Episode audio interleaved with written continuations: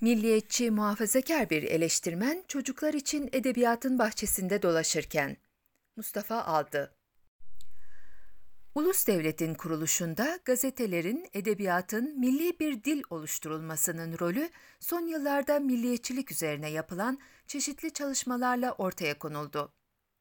Ulus devletin tek bir para birimi saptamak, düzenli bir orduya sahip olmak gibi somut ve görünür niteliklerinin yanında hayali, tasavvura dayanan bir boyut da taşıdığı, hatta bir ulus devleti kuran şeyin aslında zihinlerdeki bu imge olduğu genel bir kabul gördü. Başlangıç dönemlerinde milli kültürün gerçekten de edebi bir doğası vardır.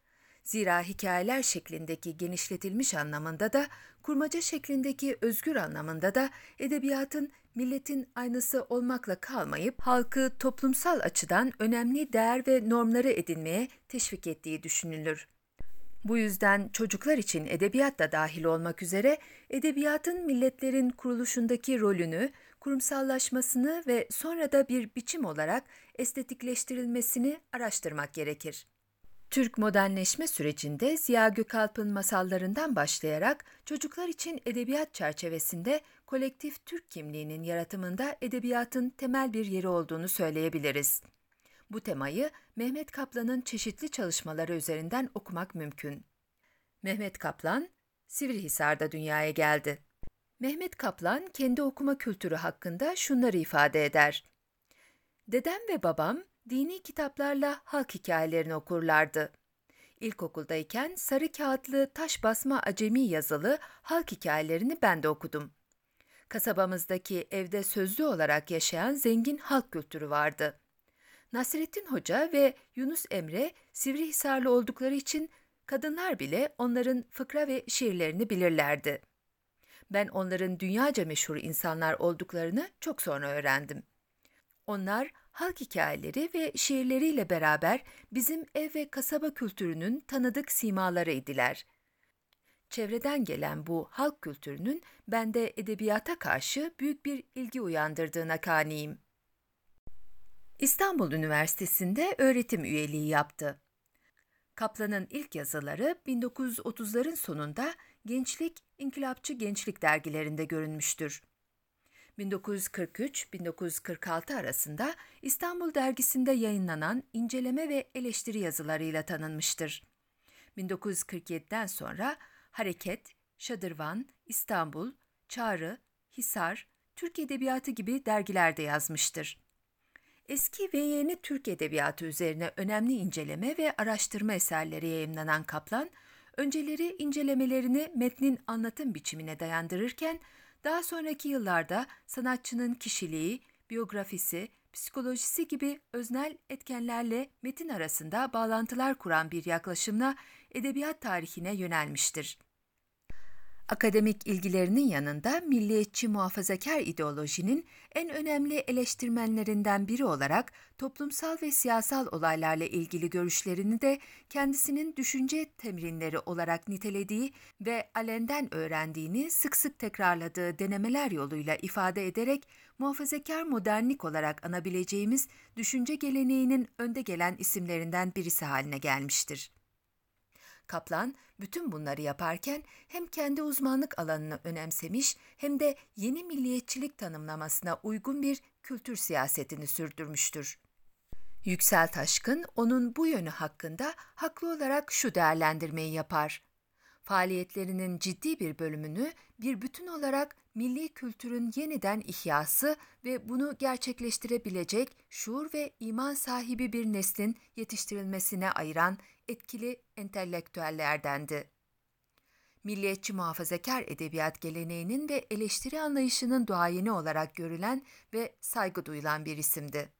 Kaplan, bir edebiyat eleştirmeni olarak ama aynı zamanda milliyetçi muhafazakar zihin dünyasına sahip oluşun getirdiği karşı söylem kurma amacına dönük olarak zaman zaman çocuklar için edebiyatın çeşitli boyutlarına değinme gereği duymuştur. Ancak onun karşı söylem kurma edimi batılılaşma sürecinin reddine dönük değildir. Aksine o batılılaşmanın zorunluluğuna ve onun geri döndürülemez bir süreç olduğuna inanır. Muhafazakar değişme dinamiğine inanmasının getirdiği düşünce yapısı ile milletlerin yaşamında devam eden unsurları yıktığını düşündüğü sol dünya görüşünün setleşmesine ilişkin bir karşı söylem kurma sürecidir bu.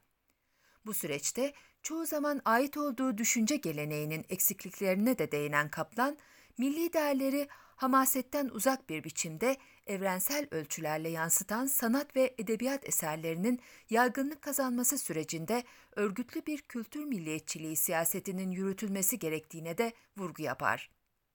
Bu süreçte eğitim, öğretim, okul ve okuma gibi unsurları denemelerinde yoğun olarak ele alan Mehmet Kaplan, kimi yazı ve konuşmalarında doğrudan çocuk için edebiyatın değişik boyutlarına değinir.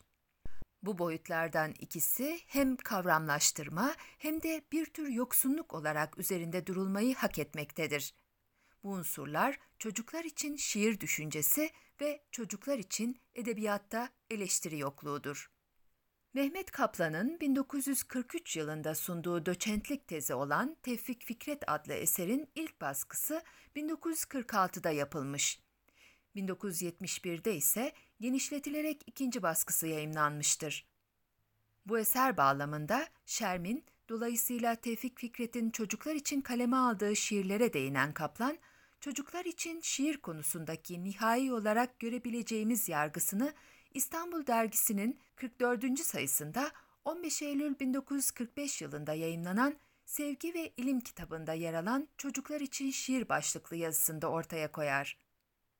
Kaplan, bu yazısında çocuklar için şiir düşüncesini bundan abes bir şey olmaz diyerek yok saymaktadır. Öte yandan çocukla şiir arasında olan derin bağlılığa da dikkat çeker. Bu bağlılığın bizi düşündürerek utandırması gerektiğine vurgu yaptıktan sonra şöyle devam eder. Şiiri bütün dünya görüşü harikulade bir efsaneden ibaret olan çocuk değil de hayat tecrübeleri ve ölü bilgi ile dimağa katılaşmış gözünde dünya bir çöl kadar kuru olan yaşlı adam mı tadacak? Şairin çocuk kalması üzerinde çok söz söylenmiştir. Fakat şiiri tanımak isteyen ruhların da çocuk sahvetini muhafaza etmesi lazım gelmez mi? Edebiyatın ilk kaynakları olan efsane ve masal, insanlığın çocukluğuna hitap eden eserlerdir. Bununla beraber burada alabildiğine derinlik olduğu da inkar götürmez. Yalnız çocuk ruhlar kainatın sırrını araştırırlar. Dar görüşlüler ise iki kere iki dört, dünya dönüyor, bunu pek iyi biliyoruz derler. Çocukluğu romantize eden bu bakış açısı devamında çocuğun sanat terbiyesinde tutulması gerektiğini düşündüğü yol ve yordam hakkında açıklamalarda bulunur. Bir yandan çocuk ruhlu olmanın gereğine ve önemine, diğer yandan çocuğun büyüklerin dünyasına özenişine vurgu yapan bu değerlendirme şöyle devam eder. Bir öğretmen tanıyorum. Ortaokul talebesine büyük şiirleri adeta zorla ezberlettiriyordu. Onun en mükemmel sanat terbiyesi yolunu bulduğuna kaniyim. Çünkü çocuk büyüye, harikuladeye, güzele hayrandır. Ancak bu yüksek eserler vasıtasıyla onun ruhu asıl gayelere doğru uçurulabilir.'' Kafamızda okul sıralarından kalma ne kötü mısralar vardır ki ömrümüzün sonuna kadar onları ezeli bir günah gibi taşırız. Öğrenmek, unutmaktan çok kolaydır. Hafızanın en taze, en alıcı olduğu bir çağda çocuğa kötü şiir, küçük şiir ezberletmek, onu bütün hayatı boyunca mahkum etmek demektir. Çocuğa telkin yapan, bütün bir hayatın temelini atma mesuliyetini duymalıdır.'' Türk Edebiyatı Dergisi'nin 1983 tarihli Çocuk Edebiyatı dosyasında yer alan Nasıl bir Çocuk Edebiyatı başlıklı soruşturmasında üzerinde durduğu konulardan biri de edebiyatın duygu eğitimine katkılarıdır. Burada bir edebi eserin duygusal etki yapabilmesi için mutlaka estetik değerinin olması gerektiğini söyleyen Kaplan, bir başka yazısında çocuklar ve şiir ilişkisi bakımından da oldukça önemli olan şu karşılaştırmayı yapar. Sınıfta bir Ziya Gökalp'in didaktik şiirlerini bir de Yahya Kemal'in lirik şiirlerini okuyalım. Sınıf mutlaka ikinci şiiri sevecektir, beğenecektir. Bundan dolayı sınıfa etki gücü olmayan, estetik yönden zayıf eserlerin girmesi faydalı değildir. Buradan anlıyoruz ki Mehmet Kaplan tamamen didaktizme dönük, milli eğitim ideolojisinin söz dağarcığını aşamadığı için genel olarak klişe yapıya sahip olan okul şiirleri ile çocuklar için şiiri karıştırmaktadır. Yazının yayınlandığı yıllar açısından bu mazur görülebilir. Çünkü çocuklar için şiir 1960'lı yıllardan sonra esas ürünlerini ortaya koymuş, 70'li ve 80'li yıllarda bağımsız bir alt tür olarak varlığını kanıtlamıştır. Tevfik Fikret kitabında Fikret'in hayatının son yıllarında hece vezni ve yalın bir dille çocuklar için yazdığı şiirlerden oluşan Şermin'i değerlendirirken bu eserde yer alan şiirlerin yeni insan tipini yetiştirmeyi hedeflediğine, bunun da uygulamaya dönük bir eğitim anlayışı doğrultusunda olduğuna vurgu yapar. Şermin'deki şiirlerin birçoğunu bu bakış açısıyla çözümleyen Kaplan, bu eserle ilgili nihai yargılarını şöyle ifade eder. Şermin'deki manzumeler üzerinde yapılan bu kısa tahlil, işaret ve örnekler gösteriyor ki, Fikret bu manzumeleri çocuklar için yazmakla beraber birçoklarının yaptığı gibi gelişi güzel hareket etmemiş, onlarla çocuklara bazı değer ve fikirleri aşılama gayesi gütmüş, bundan da önemlisi onların dil, şekil ve tasvir bakımından güzel olmalarına büyük ehemmiyet vermiştir. Fikret'in elinde hece vezni ve Türkçe olgun bir vasıta haline gelmiştir. Şermin'deki şiirler için manzume ifadesini kullanan Kaplan'ın bu adlandırma seçimi onun çocuklar için şiire mesafeli durduğunun göstergesi olarak da okunabilir. Kaplan'ın şiirin kişiliğin inşasındaki rolüne değinerek kaleme aldığı çocuklar için küçük şiir. Hayır hayır, çocuklar için büyük şiir. Çünkü bir İngiliz şairin dediği gibi çocuk insanın babasıdır ifadeleri önemli bir hassasiyeti de dile getirmektedir. Öte yandan gerek yazının başlığında gerekse yazının içeriğinde çocuklar için şiir deyimini kullanmış olması nedeniyle daha sonraları bu konuda yapılacak olan çocuk şiiri çocuklar için şiir kavramsallaştırmaları için sahih bir kavramsal tercihte bulunmuştur. Kültürlü insanın insanlığın yüzyıllar boyunca oluşturmuş olduğu klasik eserleri tekrar tekrar okuyan insan olduğunu bir söyleşisinde ifade eden Kaplan, çocuk klasikleri üzerinde ayrıca durmamıştır. Klasikler konusunda da sahip olduğu edebiyat eleştirmeni kimliğinin temelini oluşturan milliyetçi muhafazakar düşünce ile insan önce kendi klasiklerini okumalıdır der. 1985 yılında Türkiye Gazetesi'nde yayınlanmış olan bu söyleşinin devamında Türkçe edebiyat dünyasında eleştirinin fazla gelişmediğini vurgular Kaplan. Eleştiriyi eserler üzerine düşünmek olarak tanımlayan Kaplan, eleştirinin batıda çok gelişmiş olduğunu vurguladıktan sonra çocuk kitapları eleştirisine de değinir. Bilhassa benim üzüldüğüm çocuk kitapları hiç tetkik edilmiyor. Aileler de çocuklarına aldığı kitapları okumuyor. Bunlar cicili bicili kitaplar.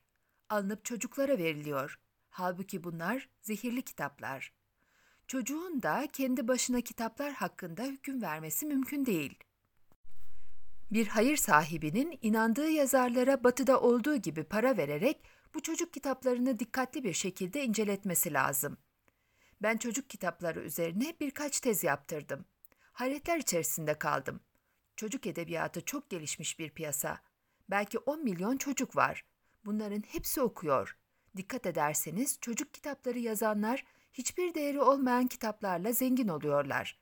Yazılan eserleri okuyorsunuz, onlarda hiçbir şey yok. Fakat piyasayı tutturmuş gidiyorlar. Bir boşluk var, ondan istifade ediliyor. Tenkit maalesef yok. Tenkit biraz zor da.